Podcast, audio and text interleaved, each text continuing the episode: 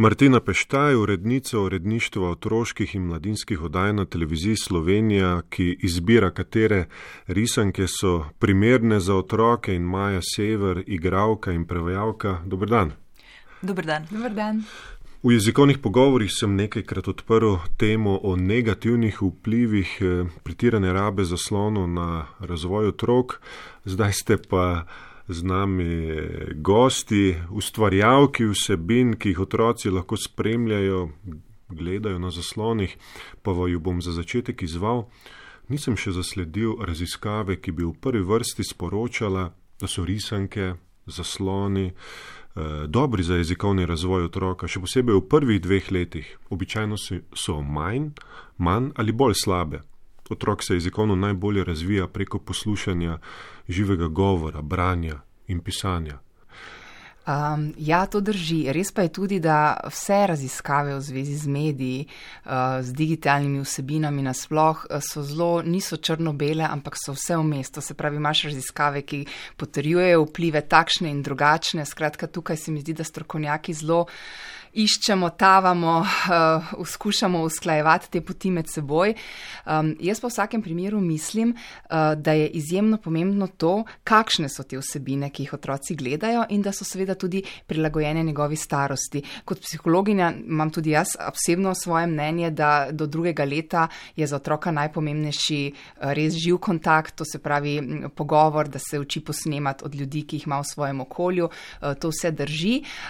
Tudi zagovorni razvoj razvoju to izjemnega pomena. Je pa res, da govorni razvoj traja celotno predšolsko obdobje, tudi še kasneje. Zato se mi zdi na tem mestu, kot ustvarjalki programa za otroke, uh, tako pomembno, da se usmerimo na to, kaj pa lahko v teh medijskih sebinah spodbuja ta dober razvoj. In to je to, kar mi pravzaprav delamo, s čimer kar nenehno povdarjamo, to se pravi res kakovostna eh, sinhronizacija. Začnemo z vrhunskim prevodom in potem to z res dobro sinhronizacijo in interpretacijo.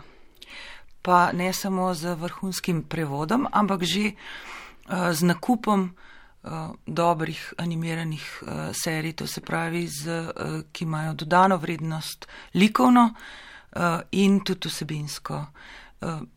Ljudje izjemno radi, tudi otroci in še sploh otroci, gledajo in poslušajo zgodbe. Skozi zgodbe se učijo tudi o odnosu do sveta, o tem, kako vrstniki recimo eh, reagirajo na stvari. Dosti krat spoznajo stvari, ki jih ne morejo uh, tako v pogovoru starši ali pa um, sovrstniki. Uh, Tudi čustva lahko recimo predelajo na tak način in to se mi zdi skupaj, to se pravi dobra likovna podoba, odlična vsebina in dobra sinhronizacija v slovenščini se mi zdi uh, pomembna, uh, pomemben del, tako kot dobra knjiga recimo ali pa uh, dobra tudi, igrača. Pa tudi neka razlika je v spremljanju televizije ali pa kakšnega spletnega kanala. Ne. Vsekakor starši verjetno opazijo, kako njihov otrok spremlja um, pametni telefon, tablico ali pa ko gleda neko risanko na televiziji. Jaz mislim, da so televizijske vsebine predvsem precej bolj kurirane, to se pravi usmerjene, a ne sploh, če govorim zdaj z vidika, ker pač delamo za nacionalno televizijo. Jaz mislim, da so vsebine, ki jih mi tukaj izbiramo, že prvi pogoj, da se starši lahko mirni, da je to, kar je izbrano, res kakovostno za njihovega otroka. Um, ker, kar se pa tiče recimo um, digitalnih naprav, kjer otroci dostopajo vem, do YouTube, tam je pa problem v tem, da so te vsebine tako razpršene, tako različne. Jaz vedno pravim, da je to približno tako, kot če bi otroka spustil v en gost, da lahko sam hodi, mogoče se celo stemni in ti mu pustiš, da gre. To je približno tak učinek, kot če daš otroku YouTube, majhnemu otroku YouTube in mu dovoliš, da sam brska, išče, kaj bo gledal. Televizija je pa vseeno tista, ki otrokom in staršem prinaša že prečiščene vsebine. To se pravi, že prva, tako kot je Maja rekla, prvi je izbor, ki mu posvetimo posebno skrb, druga stvar je obdelava. Skratka, vse je na svojem mestu, starši ima samo to možnost, da se odloči, ali bo otrok gledal ali ne bo, ob kateri uri bo gledal in koliko bo gledal. Ne glede na to, eh, kateri mediji spremljajo otrok, pa je vendarle bilo leta 2018 priporočilo pediatrov, da predšolski otroci sploh ne, ne bi bili izpostavljeni zaslonom, še posebej v prvih dveh letih. Prvi dve leti sta ključni. Ali na televiziji Slovenija izbirate risanke za dvoletnike? Um, pravzaprav ne, tako zelo specifično, da bi izbirali risanke prav za dvoletnike. Uh, se pojavijo kakšne risanke, ki so za mlajše otroke, večino risank mi naslavljamo kot uh, priporočeno starost za 3, zato ker so to že vseeno neke zgodbice, ki jim tudi otrok mora slediti. So pa seveda te za mlajše otroke uh, so bolj preproste. Risanka, ki je bila resnično narejena za to najmlajšo populacijo, so bili recimo telebajski pred 20 leti. In ti so bili prelomni v delovanju uh, televizije za otroke v tem smislu, da so prvič naredili konkreten program za tako majhne otroke in so pri tem programu seveda sodelovali tudi eh, psihologi, pedagogi, vzgojitelji, starši, da so ga resnično oblikovali, kar se da, um, kar se da kakovostno. In zato so tudi recimo vsi ti elementi v telebajskih tisti, ki jih odrasli včasih ne razumemo, vsa ta ponavljanja, vsa ta, um, ne vem, pač nenehna, eh, zelo linearna zgodba, kar pa je prav za te majhne otroke. In od takrat naprej je večina risank, sploh tistih, ki so res mišljene, da so kakovostne, um, imajo, rečemo, tako močno zasedbo tudi tega strokovnega tima, ki jih vodi v smeri, da so res sebine preverjene, da, da so res elementi notr, ki nagovarjajo otroke um, na ta način. Vi, gospod Sever, ste sodelovali pri um, nastajanju oziroma prenosu telebajsko na televizijo Slovenija. Kako ja. ste kako ste jih prilagodili slovenskim otrokom? Nisem prevajala. Ja, se pravi, da dejansko je bolj malo, ampak vendarle ne. ja, ampak uh, kljub temu, že takrat se je uh, urednica takratna odločila, da, da ne bomo uh, samo uh, medmetov uporabljali, ampak uh, celo prilagodila temu, da, da, da so bile določene besede, ki so se ponavljale, tako da se. Uh, razumljivo smo jih izgovarjali, da so se otroci ob tem tudi učili govoriti. Vmes pa seveda so bili ti inserti, ki so bili poslovenjeni, uh, tudi snemati se jih je šlo v, v vrtce ali pa uh, recimo slovenske, kjer so pa otroci videli oziroma imeli neko izkušnjo z uh, to ni bil dokumentarni program, to ni bil igrani program. Mhm. Tako da um, se mi zdi, da je poleg tega, da smo bili takrat prvi in edini uh, na svetu, ki so uh, prepričali uh, BBC, da, da smo lahko v slovenščini imeli slovenski naslov. To je uh, legendarna. In imena likov. Uh, in imena likov točno, ker. Smo eni izmed redkih, ki jih imamo. Potem so za nami, mislim, da so Finci potem to dosegli, ampak bili smo uh, res prvi. Uh, in uh, to je velik dosežek, zato ker uh, te franšize uh, tega ne dovolijo. Ne? Uh, vedno je ime je uh, blagovna znamka, ki se prodaja po celem svetu in mora biti Kako enako. so imeli na Hrvaškem, mogoče veste? Uh, mislim, da so bili Teletabis, Aha. original. Mm. Ja.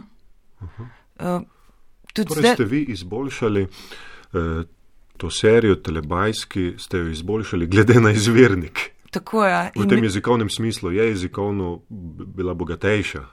Absolutno. Absolutno. Ja. In jaz se, jaz se prav zabavam, ker ima ta naša, uh, naša dolgoletna legendarna urednica risank Andreja Hafner, ima še zdaj v pisarni njena mapa, cela mapa 10 cm, v kateri je shranjena vsa dopisovanja z BBC-em glede tega imena. Tako da glavni producenti telebajskov so k nam prišli v Kano in jo prav iskali, ker so jo želeli srečati in to je bil res tak en silen uspeh za nas. No.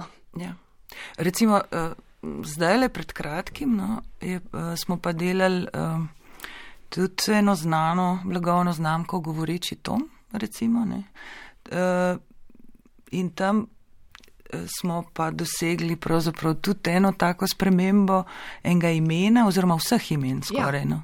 Uh, naša navada je, da da eh, v risankah pri prevodu se ukvarjamo tudi z imeni, ne? da ne pustimo, uh, ni nujno, da pustimo originalna imena. To je izbor uh, prevajalca uh, in tukaj smo se odločili, da, da ne bomo pustili angliških imen in smo potem uh, sprem, jih spremenili in smo tudi dosegli to po, po uh, trdih pogajanjih. Kaj bi priporočili staršem, kako naj prepoznajo, da je neka risanka kakovostna z jezikovnega vidika, da bo dobro vplivala na jezikovni razvoj otroka?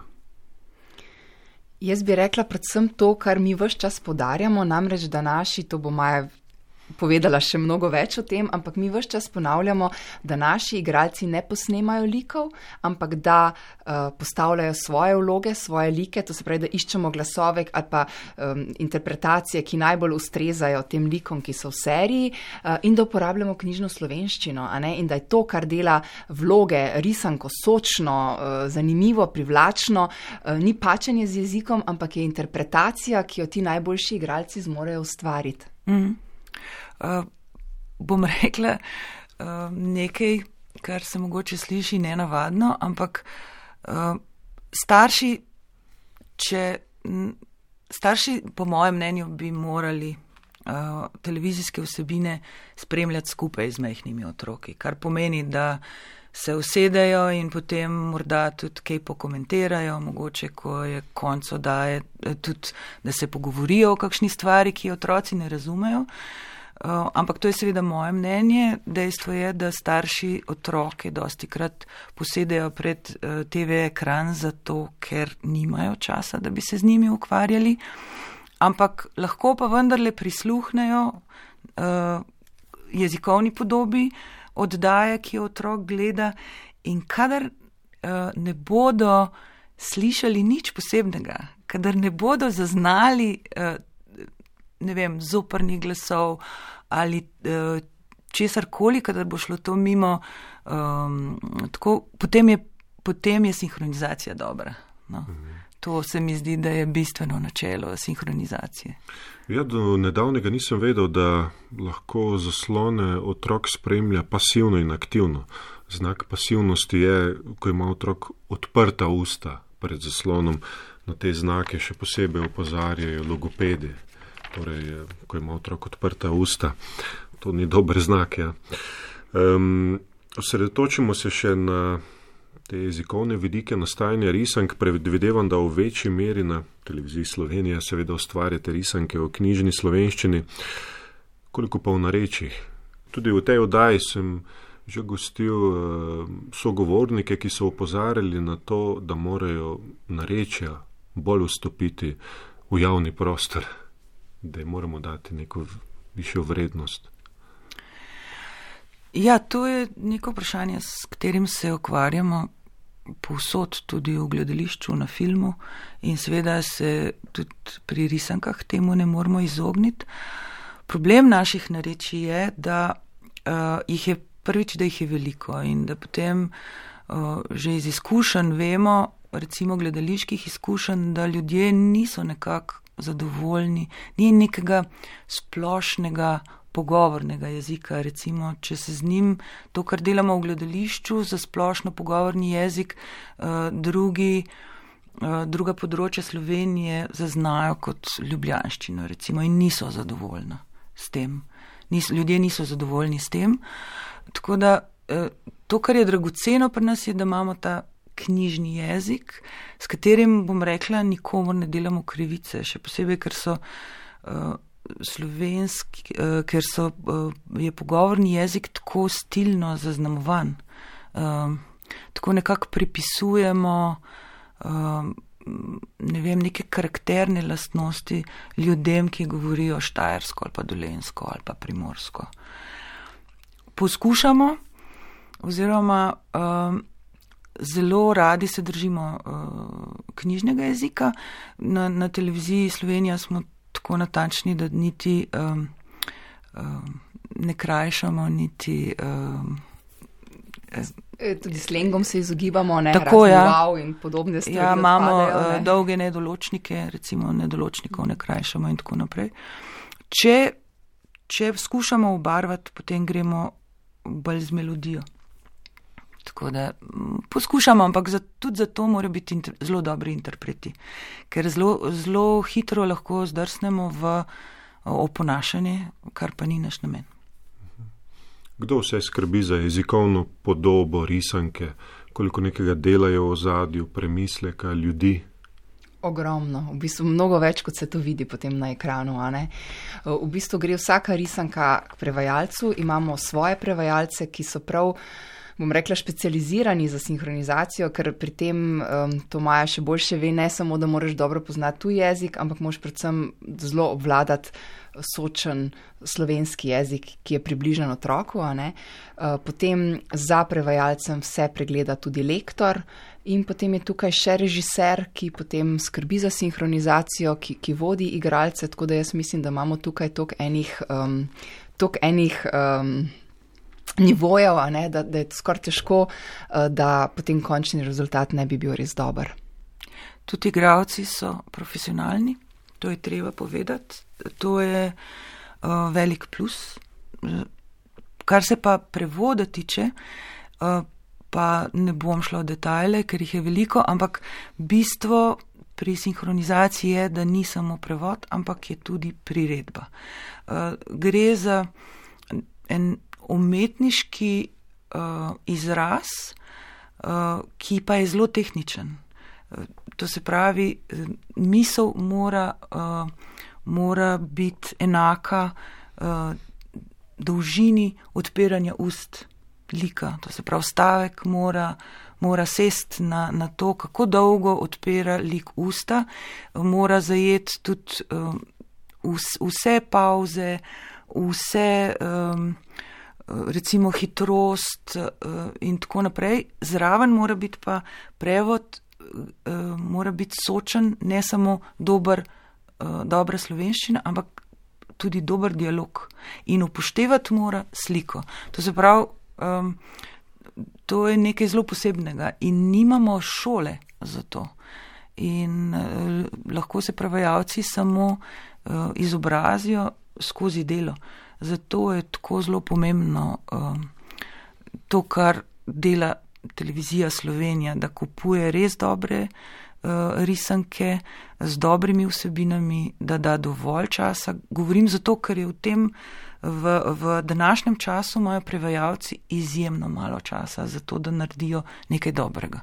In se mi zdi, da je to plus televizije Slovenija, da, da, da je to možnost. No vse dobre pogoje dela. Ja, in želim vam, da vam to uspeva tudi v prihodnje. E, Martina Peštaj, urednica uredništva otroških in mladinskih oddaj na televiziji Slovenija in e, Maja Sever, igravka in prevajalka, najlepša hvala za ta pogovor. Najlepša hvala. Hvala vam. Oddajo smo namenili jezikovnim vidikom ustvarjanja risank, za tehnično izvedbo je poskrbel Franci Moder, vodil pa sem jo Aleksandr Čobec. Hvala za pozornost in srečno.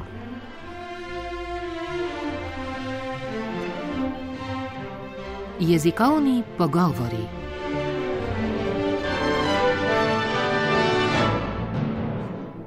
Oddaja o jeziku in jezikoslovju.